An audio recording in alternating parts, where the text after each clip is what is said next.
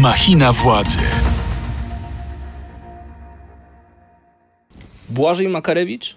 Radosław Gruca. Zapraszamy na podcast Machina Władzy, w którym analizujemy najważniejsze wydarzenia w Polsce i na świecie. Dziś ze szczególnym uwzględnieniem sytuacji międzynarodowej, no, w której istotnym kontekstem będzie Polska. Naszym gościem jest były szef polskiej dyplomacji, profesor Jacek Czaputowicz. Dzień dobry, panie profesorze. Dzień dobry panom, dzień dobry państwu. Panie profesorze, rządzący mówią, że Niemcy wprowadzają granice, kontrolę na granicach, bo chcą przerzucić odpowiedzialność za przyjęcie uchodźców na inne kraje, między innymi na Polskę.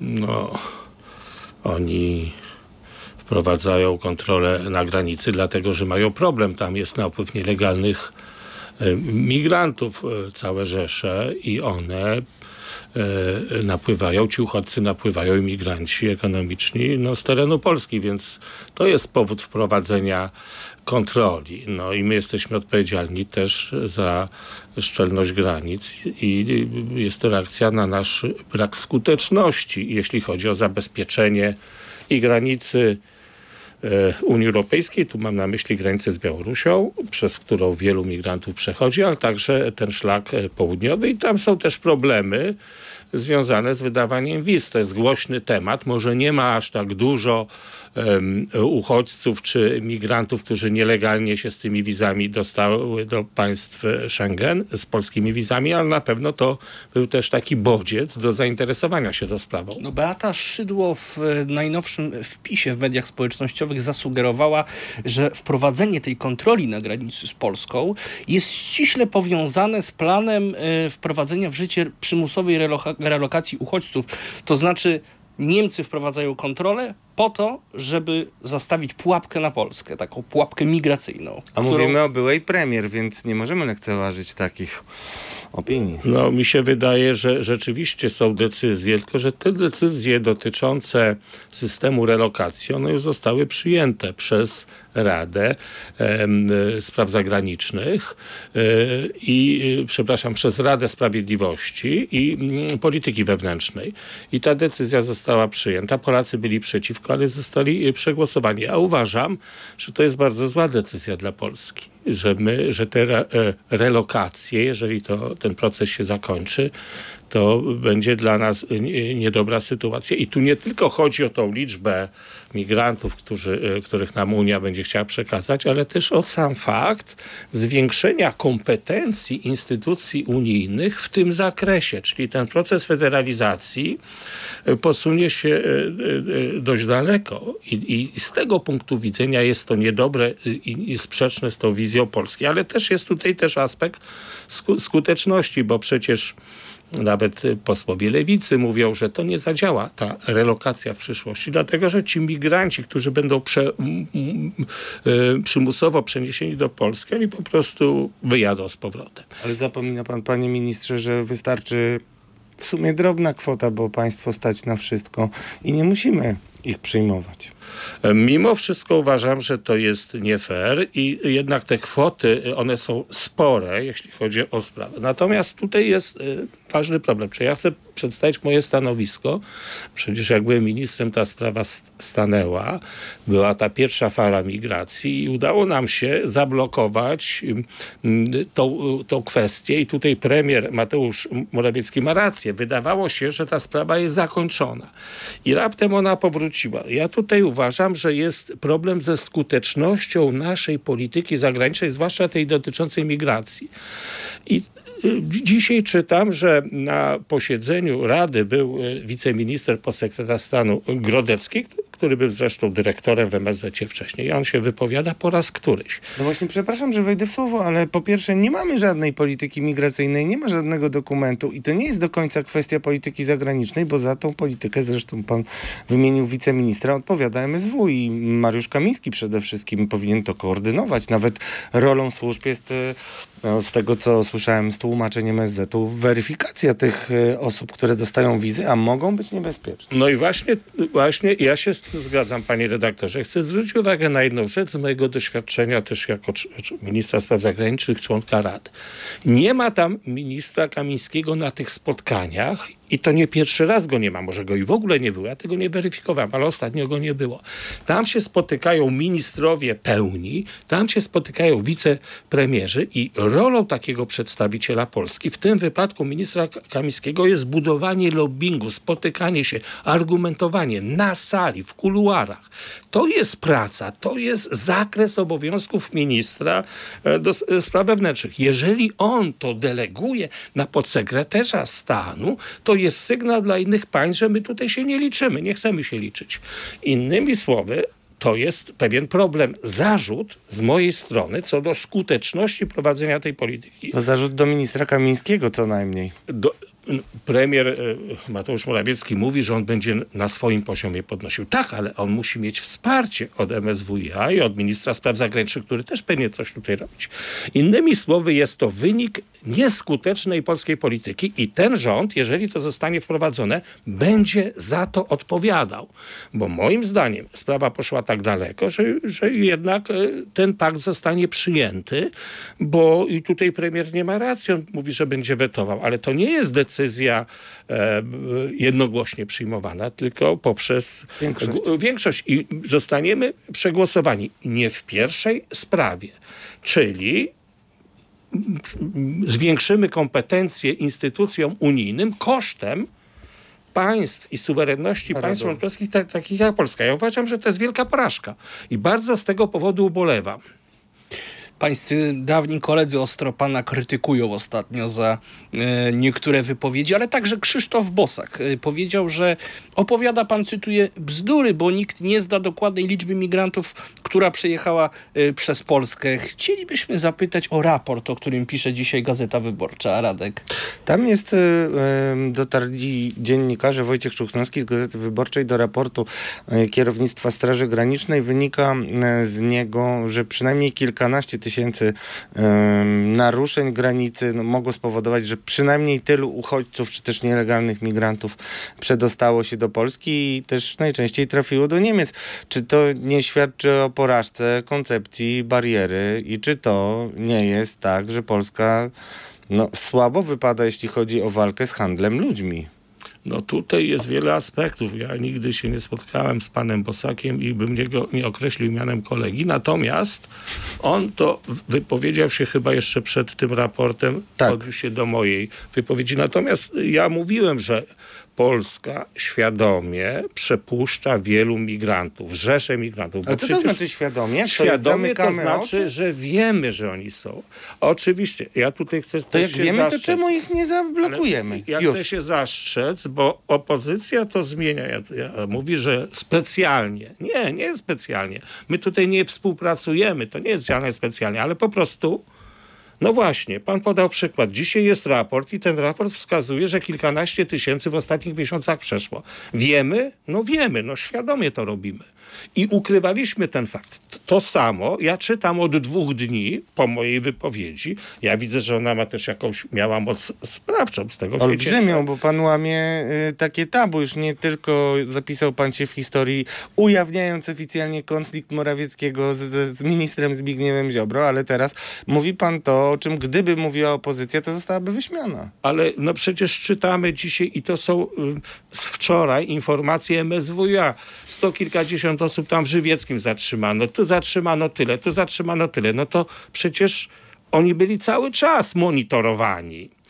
Problem powstał, bo my żeśmy udawali, że tego nie ma, bo to nas nie dotyczyło. Oni sobie przyjeżdżali bez rejestrowania. I Niemcy się zorientowali i zaczęli e, domagać się od Polski tutaj pewnej reakcji. Na szczęście ta reakcja jest. Mają być y, patrole mm, polsko-niemiecko-czeskie czy, czy słowackie i tak dalej. I ja uważam, że i to dobrze, tylko że my jakoś, tak jak minister Kamiński nie ma tej skłonności do działania międzynarodowego, skoro on tam nie jest w takich ważnych sprawach, a przecież ta rada, tam są osoby, może nie znać języka, ale to wszystko jest po polsku, to wszystko jest tłumaczone. To słabe zdrowie? Jak można to wytłumaczyć? To jest olbrzymie zaniedbanie. Mo- tak to bym określił. Uważam, że on nie docenia znaczenia te, tej obecności. Uważa, że Unia nie jest ważna i to jest wielki błąd polityczny. Ja to powiedziałem teraz wprost. Nie weryfikowałem, kiedy on na tę radę uczestniczy, ale to jest po prostu zakres obowiązków każdego ministra. Jeżeli on to ceduje na podsekretarza stanu, no to po prostu to, to jest ten efekt. I to nie oznacza, że on nie ucieknie od odpowiedzialności. On jest za to odpowiedzialny, bo on jest członkiem tej rady. I ten, ta rada do spraw wymiaru sprawiedliwości i e, polityki wewnętrznej, spraw wewnętrznych, ona przyjmuje ten e, pakt migracyjny. Więc tutaj ja widzę pewien problem, jakąś taką fobię u niektórych polityków wobec no właśnie Unii Europejskiej, że my to będziemy sami czy coś. I to jest właśnie ten skutek tego. Ale wracam jeszcze tutaj do pana pytania. No mówię, że świadomie, bo oczywiście jest ten bałkański od dwóch miesięcy szlak. Czyli z południa. I tu ja widzę też pewien problem. Mówię świadomie, wiedzieliśmy o tym. Jestem przekonany, że wiedzieliśmy, że oni napływają. Dlaczego my tego nie koordynujemy? Z Węgrami, Słowacją, Czechami. No, Grupa Wyszehradzka nie działa i to jest też ten skutek. My powinniśmy domagać się od Węgier razem ze Słowakami, żeby to przyblokowali, bo oni idą z, z Serbii. No tak, potraktowaliśmy, że my będziemy po swojemu, inni mają problem, my ich nie rejestrujemy, no, aż się doczekaliśmy, że Niemcy no, musieli zareagować, bo dla nich to już jest duży problem. To ja zapytam prowokacyjnie w takim razie, panie profesorze, czy w w świetle tych faktów, o których słyszymy, o tych liczbach dotyczących e, nielegalnych przepływów e, migrantów przez Polskę, czy budowa tej zapory była inwestycją trafioną? Tu uważam, że to była dobra inwestycja, bo jednak też my odpowiadamy za tą wschodnią granicę. Nawet jeżeli czytamy te dane, że tam jest wielokrotnie ten e, e, płot niszczony i setki albo i tysiące osób przez niego przechodzi, to i tak większość jednak jest zatrzymywana. Bez tego e, zabezpieczenia trudniej byłoby monitorować granice. Ale oczywiście, jak widzimy, to nie wystarcza. I dopiero zwiększenie personelu, y, który będzie mm, y, monitorował to z perspektywy właśnie tego zasobu ludzkiego, liczby żołnierzy y, może przyczynić się do tego, że ta zapora będzie skuteczna. No tym niemniej, z perspektywy Niemiec, no jednak oni tam docierają ciągle i, i my jesteśmy jednak za to odpowiedzialni. To zmieńmy temat w takim razie. Kto pańskim zdaniem odpowiada za to tąpnięcie w stosunkach z Ukrainą? Bo Dobrze pan pamięta, jeszcze kilka miesięcy temu mówiło się o podpisaniu super traktatu między naszymi państwami, o stworzeniu swoistej quasi Unii Polsko-Ukraińskiej. No i dzisiaj wydaje się to e, kompletnie absurdalne, jak obserwujemy. Znaczy na pewno nie były, prawda? Bo to już nikt nie próbuje nawet no, udawać. Nie możemy ze skrajności w skrajność popadać. Ja uważam... A popadliśmy? Tutaj, tak jak pan to zaprezentował, ja byłem, e, nie możemy mieć jakaś Unia, tak dalej. Były takie wypowiedzi profesora Zybertowicza, tak dalej. No nie, to jest za daleko idące. Natomiast ja jestem zwolennikiem i byłem zwolennikiem, no współpracy z Ukrainą, wsparcia dla Ukrainy, utrzymywania dobrych stosunków z Ukrainą. I ta moja inicjatywa Trójkąta Lubelskiego, ona zadziałała przez pewien czas. Jeszcze pół roku temu to było bardzo dobre e, forum wspierania i mobilizowania razem, przypomnę, z Litwą i z Ukrainą, Polska, te e, trzy państwa tworzą ten trójkąt. Było forum spotykania się na szczeblu prezydentów, nas premierów, oczywiście ministrów spraw zagranicznych, wykorzystywane i Zachodu, jeśli chodzi o wsparcie dla Ukrainy, bo my byliśmy tym głównym państwem tutaj wspierającym. I, I, pod naszą presją państwa takie jak Niemcy, Francja zmieniły politykę na proukraińską. I to było bardzo dobre i to należało chwalić. I ja to chwaliłem. I teraz to, co krytykuję, to odejście od tej polityki. My staliśmy się takim sygnałem ważnym tej polityki antyukraińskiej. No i dlaczego? Skąd taka no, zmiana? Czyli pan rozgrzesza też trochę wystąpienia y, Wołodymira Zełańskiego także w ONZ. Zresztą podobnie pan mówi o kwestii rzezi wołyńskiej. Kiedy były mm, wypowiedzi ze strony rzecznika MSZ-u, to pan przypominał między innymi mm, kwestię pomnika, y, która jest niezałatwiona. Pomnika, który staje jako problem, czyli no ja pamiętam parę lat temu pan nawet mówił, że w monasterzu koło wsi y, Wierchata, Werchata, Werchata Erhata, e, no mamy do czynienia w zasadzie, nie pamiętam jak pan dokładnie to ujął, ale z, z, no z kwestionowaniem tego, że y, u, tak Ukraińcy to przedstawiają, że ich żołnierze ponieśli śmierć tam bohaterską czy męczeńską, jakby to nazwać. No wydaje się, że to nie jest problem, którego nie można by załatwić przez te trzy lata, a jednak się tego nie robi. Dlaczego? No, on został nawet załatwiony, ale źle został załatwiony. Bardzo źle. To był e, koniec mojej kadencji, ale tu chcę powiedzieć, że też e, prezydent Andrzej Duda działał w tej sprawie. Próbował. E, Ja rozmawiałem z, oczywiście z Dm- Dmytro Kułebą, który, Kułebą, który powiedział ekshumację, tak, no ale no, naprawcie ten pomnik, który ta tablica była potłuczona, pięćdziesiąt kilka nazwisk, no i chodziło o to, żeby ją odtworzyć. Dlaczego jej nie odtworzono? Odtworzono, ale, Ale bez, bez nazwisk. nazwisk. Ja tutaj uważam, że no właśnie z tych nastrojów takiego cwaniactwa i tych nastrojów antyukraińskich i różnych stawiania różnych y, wątpliwości, a może nie wszyscy tam leżą, a może tak dalej. Ale to przecież y, był pomnik, ta tablica była legalna wcześniej na tym terenie. I to jest ta nasza walka z tą Ukrainą na takie małe rzeczy. Gdybyśmy to wtedy zrobili, by, by, byli, bylibyśmy na zupełnie innym dzisiaj poziomie. Natomiast chcę zwrócić uwagę, to umknęło. W ostatnich dniach Ukraina wyraziła zgodę na ekshumację. I Jakoś nie ogłaszamy tego w, e, powszechnie jako nasz sukces. Ale. Umknęło, ja odnotowałem. U- Ale nie jest to ogłosiła, to nie jest problem. Mówimy teraz, mówimy o tej kwestii wołyńskiej. Tam jednak, mimo że nie ma tego pomniku, tam jest ta pewna elastyczność. Natomiast wracając do tych wypowiedzi takich ostrych ze strony prezydenta Zełęńskiego, naszego prezydenta i, i Obroni premiera, przede wszystkim wypowiedzi, o których pan mówił, że my nie będziemy e, broni dostarczać i po tym jak e, premier się z tego wycofywał, to e, pan powiedział, mleko się już rozlało i tak. No tak, no bo na całym świecie to był główny news. No i, i to jest też taki sygnał dla państw, które są niechętne pomagania Ukrainie. O proszę, i Polska zmieniła stanowisko. Już nie mówię o tym, co Moskwa opowiadała na te rzeczy, prawda? E, Rzecznik Pieskow czy e, rzeczniczka Ministerstwa Spraw Zagranicznych. To zostało wykorzystane i teraz no ja i tu też jestem krytykowany, no mówię, że nasze działanie po prostu jest zgodne z interesem rosyjskim. No nie można nie ukryć tego faktu. Oczywiście nasi mówią, że też jest zgodne z naszym interesem, no ale z rosyjskim jest to, To powiedzmy zgodne. wyraźnie, na czym polega ten rosyjski interes? Rosyjski interes mm, polega na skłócaniu dwóch państw, ale przede wszystkim, no oczywiście e, Rosja by nie chciała, żeby inne państwa dostarczały broń. I teraz Polska mówi, że nie będzie po korekcie tej nowej broni dostarczać. No i teraz zastanówmy się, że gdyby wszystkie państwa poszły y, naszą drogą, to by Ukraina nie miała broni i Rosja by zajęła tą Ukrainę lada moment. To jest ten wymiar polityczny, ale jest też ten wymiar dotyczący zboża. My blokujemy te zboże. Te, chcę powiedzieć, że to jest, Ukraińcy mają rację, zupełnie nielegalne działanie, bo my łamiemy prawa, prawo międzynarodowe. E, Swobody handlu, my e, Unię celną e, łamiemy, wspólną politykę handlową. Po prostu nie mamy do tego prawa. Dlatego, gdyby to stanęło na jakimś forum rozjemczym WTO, no to byśmy to przegrali. I tutaj nawet nasi nie chcą mówić, że mamy do tego prawo. Tylko my uważamy, że my możemy łamać takie prawo.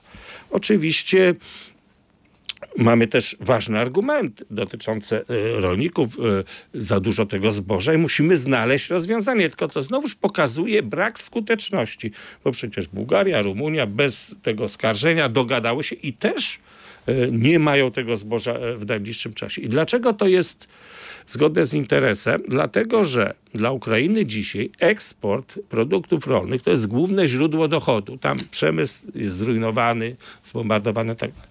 Jeżeli my osłabiamy tą możliwość i oni mają mniejszy dochód, bo my nie kupujemy tego, nie przesyłamy, powoli przesyłamy, to wówczas ta gospodarka jest słabsza i jest mniej środków na, na, na, na dalszą walkę. Dlatego to jest zgodne z interesem Rosji. Przecież Rosja bombarduje porty, drogi komunikacyjne, żeby uniemożliwić Ukrainie e, eksport, żeby Ukraina nie miała środków. A do tego jeszcze Rosja chce wejść na te rynki zamiast Ukrainy, bo sama jest e, producentem zboża dużego, więc to jest dla Ukrainy niez, niezmiernie ważna sprawa. No, PiS mówi, że jest zagwarantowany tranzyt przez Polskę.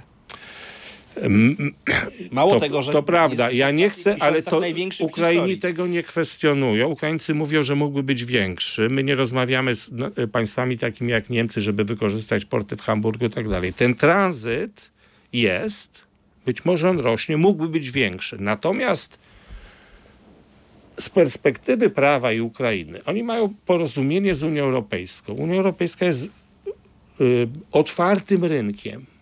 I Polska wydzieliła fragment tej Unii Europejskiej, na którym te zboże nie może być sprzedawane. Czyli my żeśmy zni- zniszczyli w tym zakresie, niszczymy wspólny rynek. Prawda? My nie jesteśmy stroną. Polityka handlowa jest zupełną pełną kompetencją Unii Europejskiej i my po prostu burzymy to i my łam, łamiemy ba bardziej tutaj e, właśnie te zasady unijne. I no teraz Ukraina ma e, porozumienie z Unią, ona mówi no właśnie, że nie mamy prawa. Jeżeli to embargo wtedy, gdy było e, nałożone przez Unię Europejską, to było zgodne z prawem. Tylko, że my nie przedłużyliśmy tamtego embarga, tylko zupełnie niewłaściwa instytucja, rząd, wprowadził, e, nie mając do tego żadnego prawa, e, barierę, czyli e, embargo, czyli nie przepuszcza na nasz teren. Wyobraźmy sobie, że my sprzedajemy coś do Unii Europejskiej, a Niemcy mówią, nie, my jabłek polskich możemy przepuścić do Francji dalej, ale na naszym terenie nie możecie sprzedawać. Jak my byśmy zareagowali? No byśmy byli obrażeni. No jak to? Wyłamiecie wspólny rynek. To samo dotyczyło na przykład swobody przepływu e, usług, pracowników. Mówiliśmy, jest jeden rynek, no nie możecie wprowadzać takich rzeczy. To jest generalnie w naszym interesie. I my po prostu e, tutaj łamiemy te zasady. Ja myślę, że jest szansa na rozwiązanie tego problemu, bo e, Ukraina jest tutaj dość elastyczna. Z tego, co y, słyszymy, bo Ukrainie chodzi właśnie o to prawo. Y, Państwo nie może zgodzić się, że inne państwo łamie prawo wobec niego, tak jak my byśmy się nigdy nie zgodzili, jakby ktoś wobec nas tak To jak rozwiązać ten dylemat? No mi się wydaje, że takie, to jest to proponowane. Ukraina tutaj razem przy pośrednictwie Unii Europejskiej stworzy taki mechanizm, że razem z tymi państwami będzie wydawać koncesje firmom. Jeżeli będzie rynek zalany, to się powstrzyma z wydaniem koncesji i te zboże nie będzie napływać. I takie są porozumienia. Na przykład mi się wydaje, że jest szansa, że do końca roku ale to jest wtedy legalne. Tak? Jest, to, jest to Unia Europejska, e, w tym wszystkim uczestniczy, jest to porozumienie. A to, co my zrobiliśmy, to my jednostronnie narzuciliśmy e, te ograniczenia, co jest sprzeczne z prawem międzynarodowym i moim zdaniem też jest oczywiście sprzeczne z naszym interesem, bo w naszym interesie jest, żeby ten rynek był otwarty. No i tak słucham pana, panie ministrze, i się zastanawiam. Mówi pan o tym, że to jest działanie bezprawne. Prezydent Duda, wtedy kiedy się mija z prezydentem Ukrainy w ONZ-cie, powtarza, że on cały czas mówi mm, na forum ONZ-u o tym, że musimy pilnować o prymacie prawa, które, jak rozumiem, mogłoby organizować i rozwiązywać, rozładowywać pewne konflikty, ale Panie ministrze, no to za pana czasów zaczęły się problemy z TSUE i brak honorowania e, decyzji Trybunału. Tak samo, no nie bardzo. Czy... No, zacznijmy od tego TSUE, a potem jeszcze spytam o Niemcy. Bardzo proszę, no, ja tutaj y, przestałem być ministrem ponad 3 lata temu i, i chcę y, to podkreślić. Za moich czasów nie było sytuacji, że my jakiegoś wyroku nie, y, y, żeśmy Czyli powinniśmy płacić byli te wyroki, e, te kary albo do, dokonać tych zmian, które Ale, oczekiwano? ale jeszcze powiem, oczywiście ja broniłem naszego stanowiska, bo ten artykuł 7, tam te kompetencje Unii nie były jasne, żeby wpływać na nasz wymiar sprawiedliwości i dość skutecznie. Znaczy nie, nie, niedookreślone, co jest częstym jakby, Ale- e, no taką pokusą dla mm, e, no, polityków unijnych, żeby się rozpychać traktatowo. Ale bo ja tutaj tak? chcę, chcę, bo też ja dostaję pytanie, no pan wtedy był i nie protestował teraz, tylko że ja wtedy nie musiałem protestować, bo w ogóle czegoś takiego nie było. Po pierwsze artykuł siódmy, on nie przeszedł do kolejnego etapu, bo udało się y, zbudować koalicję państw, która nie, nie dała e, Komisji Europejskiej przejść do etapu karania Polski. Po drugie, rzeczywiście, wtedy komisja zadecydowała, że nas zaskarży do TSUE w sprawie Sądu Najwyższego. I było orzeczenie, i my przegraliśmy, i trzeba było przywrócić stary wiek em, e, emerytalny. I my to, to, to zrobiliśmy w 100%. Sędzia, przewodnicząca Gersler wróciła jeszcze dwa lata mm, dwa lata orzekała jako, jako prezes. Więc to jest to działanie. My nie możemy nie stosować wyroków. I za moich czasów nie było sytuacji, że my jakiegoś wyroku nie stosujemy, już nie mówiąc o płaceniu kar, że żadnych kar nie było. To- To dopiero e, był efekt polityki późniejszej. Zaczęło się od e, Turowa, e, z Czechosłowacją i tak dalej, a to był moment, kiedy ja zrezygnowałem, bo widziałem te chmury, które nadciągają. I później, dopiero cztery miesiące później, warunkowość i KPO nie ma. To, to, to jest ta konsekwencja tej polityki moich następców. Natomiast za, e, e, w czasie, kiedy byłem ministrem, zresztą e, też uważam, że mieliśmy potwierdzenie społeczne dla tej polityki, w tym zagranicznej, wygrywając wybory samorządowe, wygrywając wybory prezydenckie i e, po wyborach prezydenckich zrezygnowałem. W międzyczasie też e, parlamentarne. Więc ja uważam i ta polityka jakoś według mnie e, trudno, żebym oceniał inaczej, bo przecież byłem jej autorem i realizatorem. Ona była skuteczna. Natomiast teraz no jest, jest dużo gorzej. Tak, tu ma pan rację. Kompetencje Unii Europejskiej wzrosły. My pod dyktando Komisji Europejskiej e, wprowadziliśmy, wycofaliśmy się z tej reformy. Ta ustawa została przyjęta przez większość parlamentarną. No, prezydent skierował ją do Trybunału No Konstytucyjnego. ale to jest umycie ręce, rąk co najmniej i zresztą y, przez to, że Trybunał jednak nie jest kontrolowany tak, jakby chciała ekipa rządząca, no to nie mamy rozstrzygnięcia i nie mamy miliardów z KPO, Ale co jest dokładnie ja- problemem. No ja dokładnie mówię, pokazuję to. Do, dokładnie tak jest. Ale do czego zmierzam?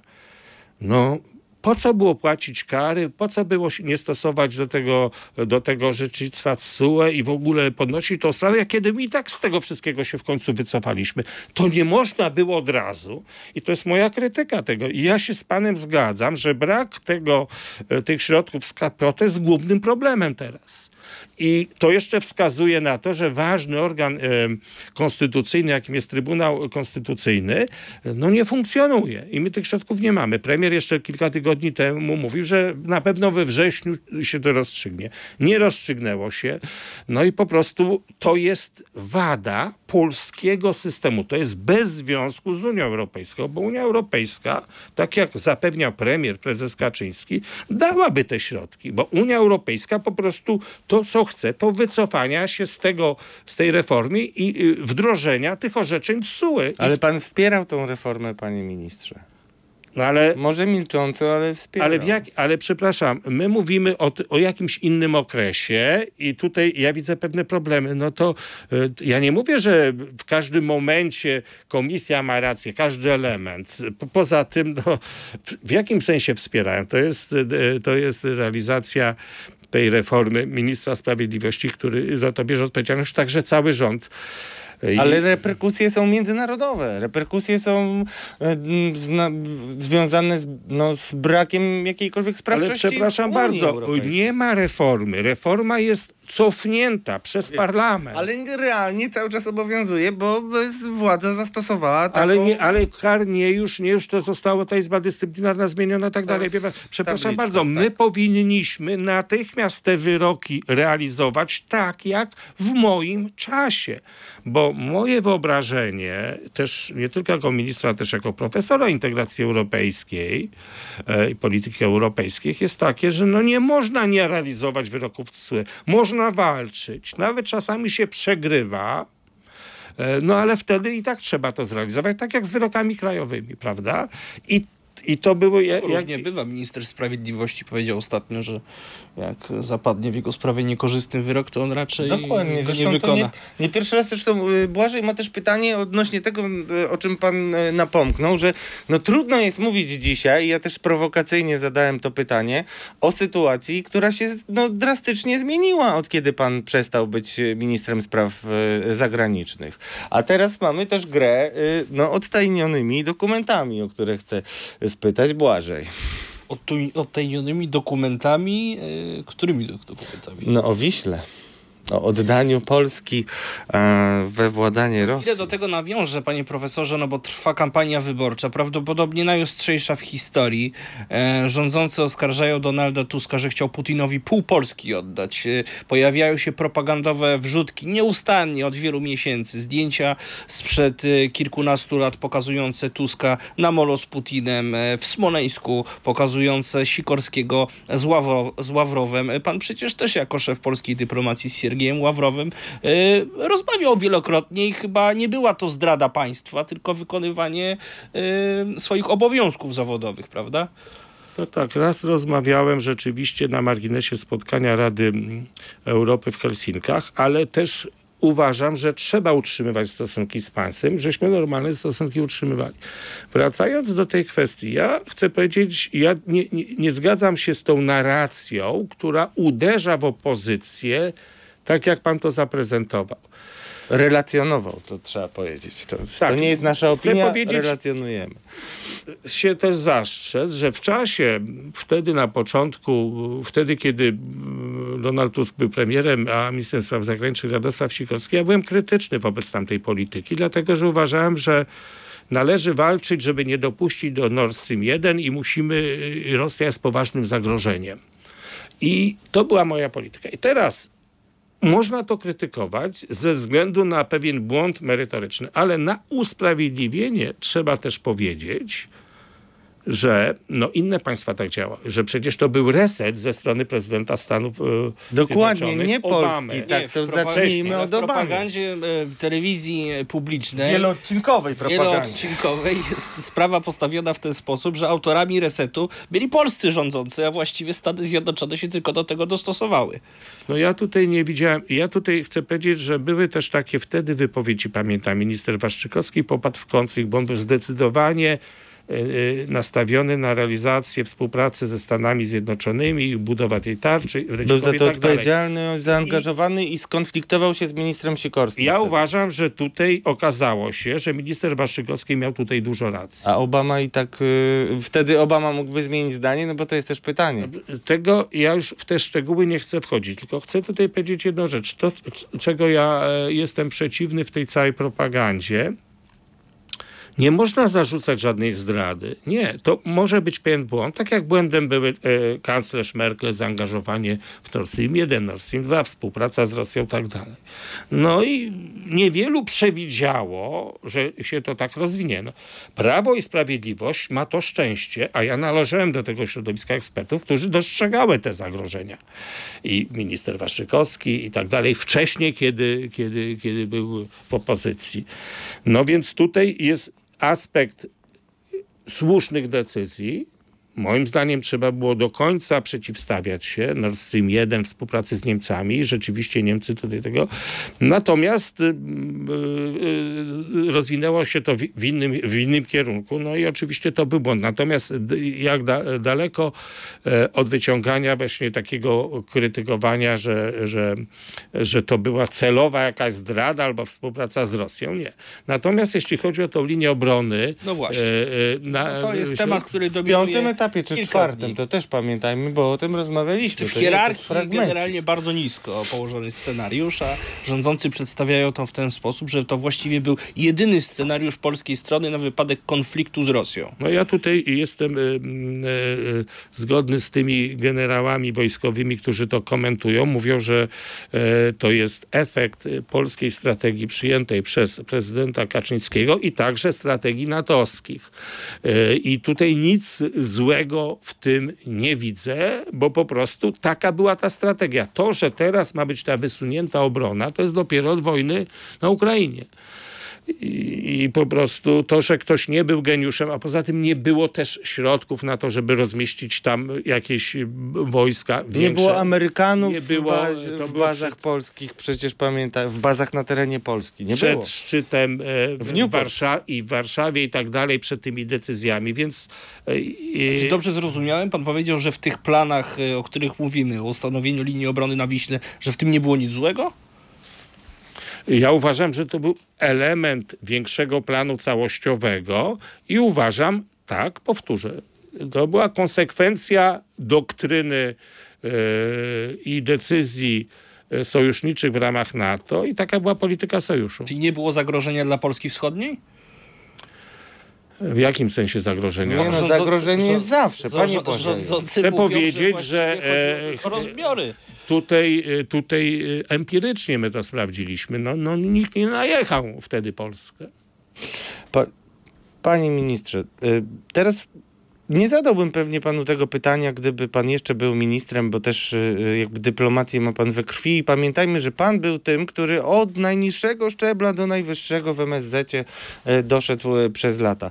Ale z tego, co pan mówi, szczególnie jeśli chodzi o to tak zwane umownie machanie szabelką i od, odgrażanie się Unii, Niemcom, a potem wycofywanie się rakiem, bo tak to pan e, podsumował. To czy to nie jest okłamywanie społeczeństwa? Czy to nie jest manipulowanie? Bo jednak w, wersji, w warstwie deklaratywnej mówimy, nie damy się Unii, Polska jest y, y, wyspą wolności. To pamiętajmy, Jarosław Kaczyński mówił. A tymczasem, no, propaganda sobie, a fakty zupełnie odwrotnie. Czy to nie jest kłamstwo?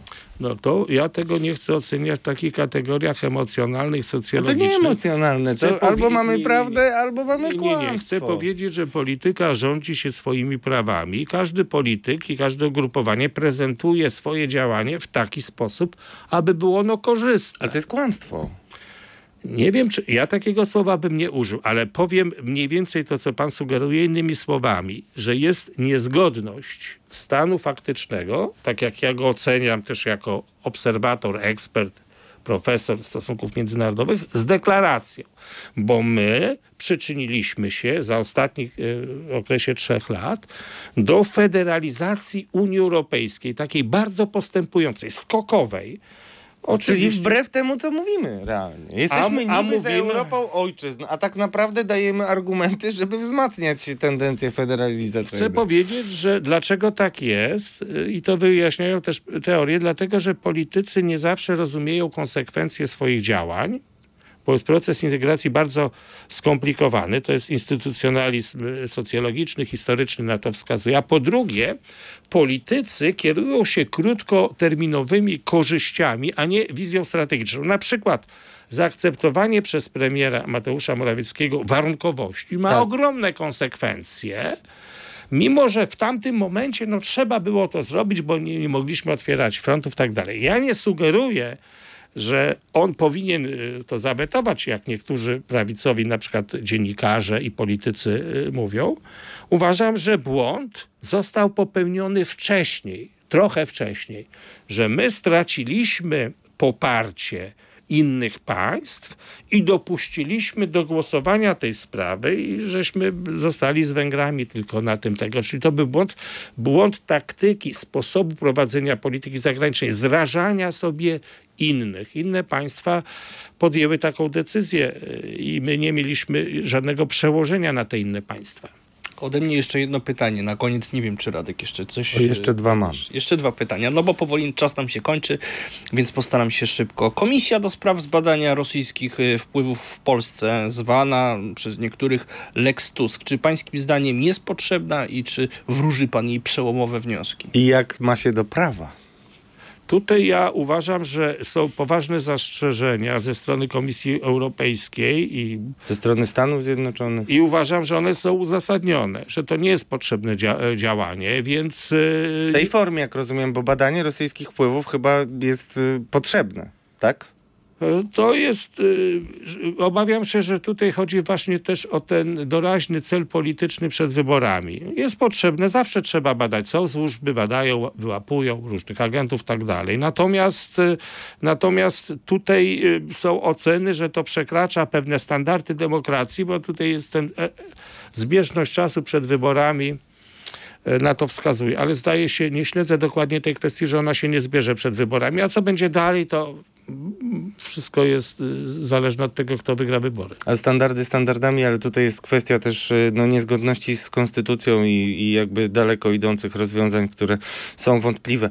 Ale y, No ja jestem przeciwny, żebym po, postawić Tak. kropkę. Ja się po prostu z, z panami zgadzam.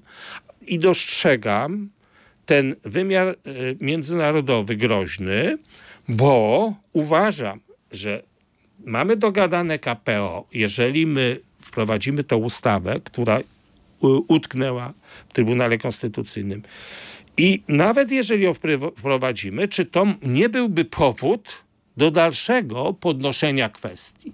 Bo my mieliśmy te kwestie dogadane na wiosnę z Komisją Europejską ja uważam, że to był bardzo dobry ruch ze strony ministra Szynkowskiego-Welsenka, premiera Mateusza Morawieckiego, żeby wycofać się. No, ale później zaszły różne rzeczy i komisja by mogła jeszcze to wyciągnąć, więc, więc jest też ten aspekt międzynarodowy i to jest na pewno niedobre. Chciałem spytać o też najmocniejszą chyba pana tezę, tak realnie, szczególnie przed wyborami. Wiemy, że w Polsce będzie nadzorować, będzie obserwować e, wybory OBWE, a pan mówi, że wybory są nieuczciwe i że z powodu mm, zasad wprowadzonych przy okazji głosowania w referendum, mm, no, są, no, jest złamana koronna zasada demokratycznych wyborów, czyli tajności. I mało tego, pan mówi nawet, że to z góry daje kilka procent więcej PiSowi. To bardzo daleko idąca opinia. No daje, tak uważam. Tutaj nie zmieniam swojego zdania. A dlaczego oczywiście- tak jest? Jakby pan mógł wytłumaczyć? No, jeżeli my mamy referendum i wybory, to wówczas ci, którzy będą czytać pytania referendalne, y, to ukieruje ich sposób myślenia. Oni odpowiedzą negatywnie, bo nikt nie chce tutaj oddawać majątku, nikt nie chce uchodźców na siłę i tak dalej. Niszczyć bariery. bariery czy wieku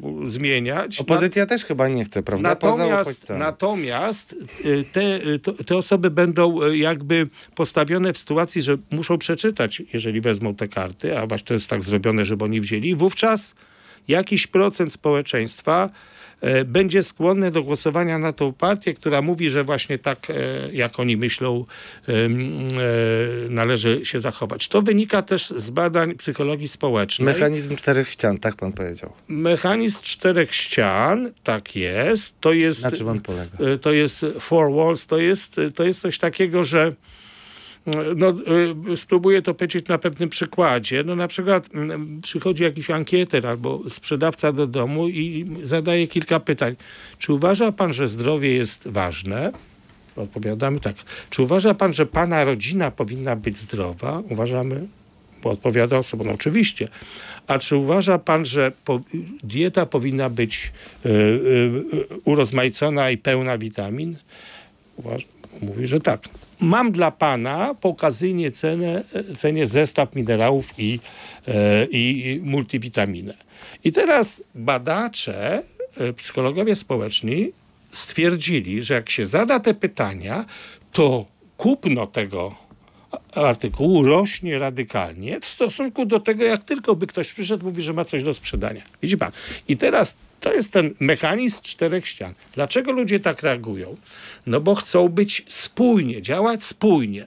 Każdy ma taką potrzebę wewnętrzną. Jeżeli to, to, to, no to jeżeli witaminy są ważne, no to jeszcze w okazyjnej cenie. To jest ten mechanizm zastosowany, tylko my poszliśmy jeszcze dalej, bo ten mechanizm był stosowany też na Węgrzech.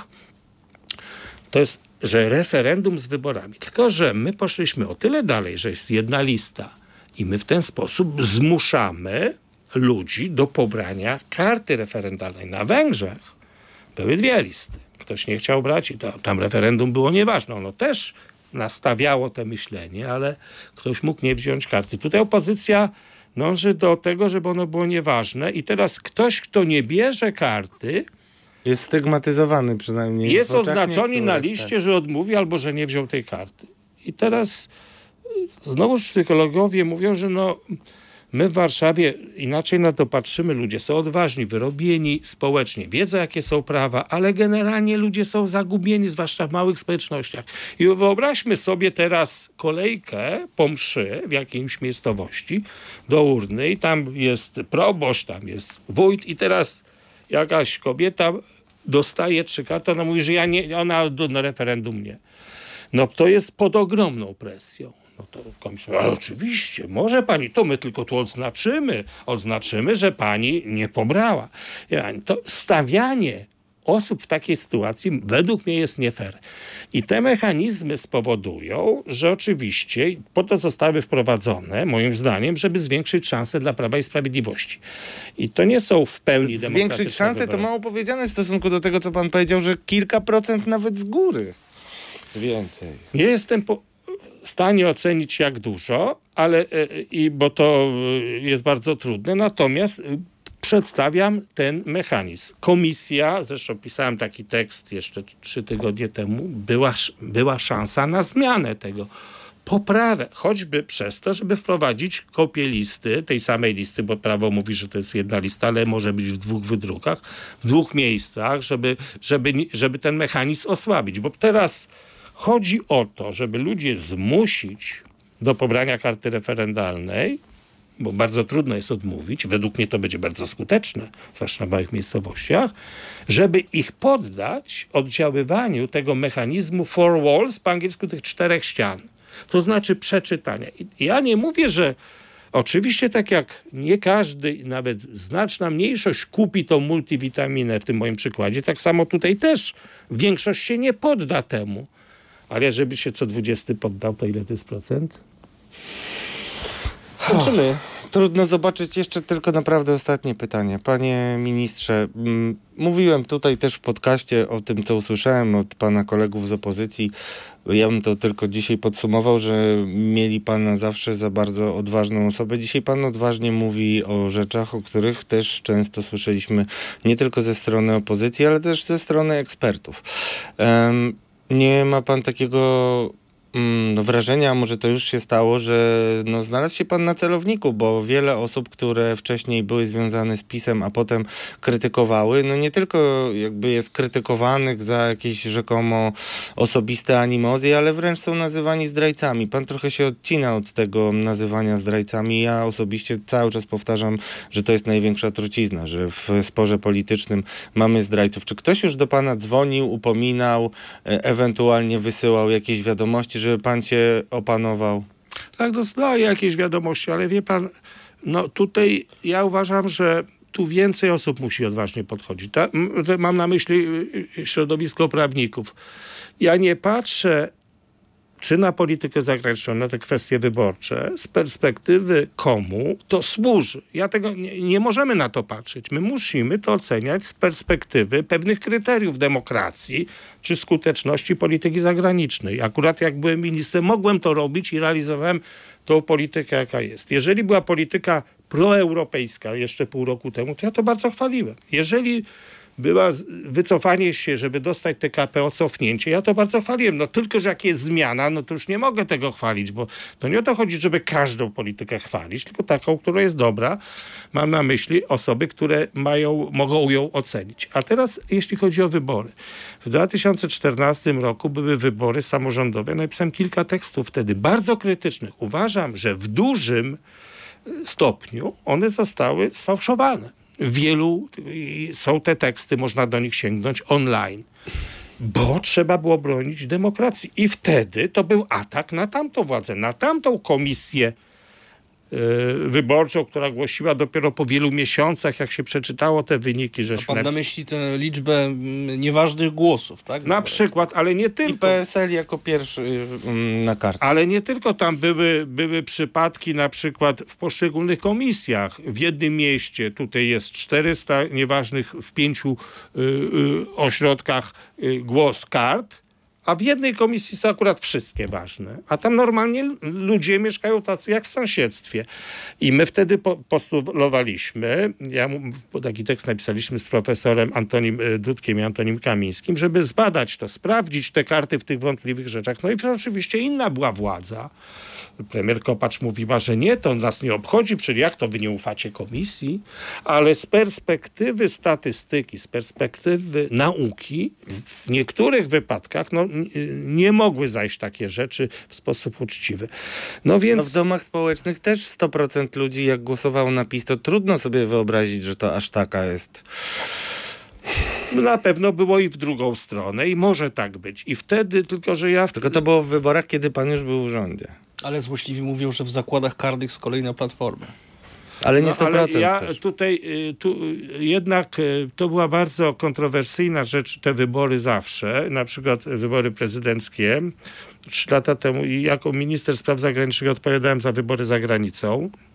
No też pan o to opowiadał wcześniej, powiedzmy to jasno, jako szef Departamentu Konsularnego. To nie jest tak, że pan pierwszy raz i to tylko z góry widzi to, tylko wie pan, jak to też funkcjonowało niżej i jak powinno funkcjonować, bo łódzkie na przykład powoływanie instytucji jest pan, no tam, gdzie akurat minister Zbigniew Rau mm, działa, no to pan twierdzi, że to jest zupełne jakby zaprzeczenie tego, co już było ustalone, jeśli chodzi o stementowanie gmachu. No tu ja mam, no stąd jest moja krytyka. I tu ma pan, y, ja jestem krytyczny wobec y, moich następców w resorcie, no bo polityka nie jest skuteczna, jesteśmy tu izolowani, no nie mamy sukcesów, no i sama, sama dyplomacja i ta instytucjonalizacja, e, inwestycje, one są źle doprowadzone. Ale chcę powiedzieć o tych wyborach e, prezydenckich i za granicą 70 ponad procent uzyskał e, Rafał Trzaskowski. No i te wybory były mimo pandemii zrobione no uczciwie, mimo że opozycja bardzo to atakowała. No ale jestem przekonany, że uczciwie, bo zwrot tych kart był wystarczający. Musiałem tego bronić wtedy.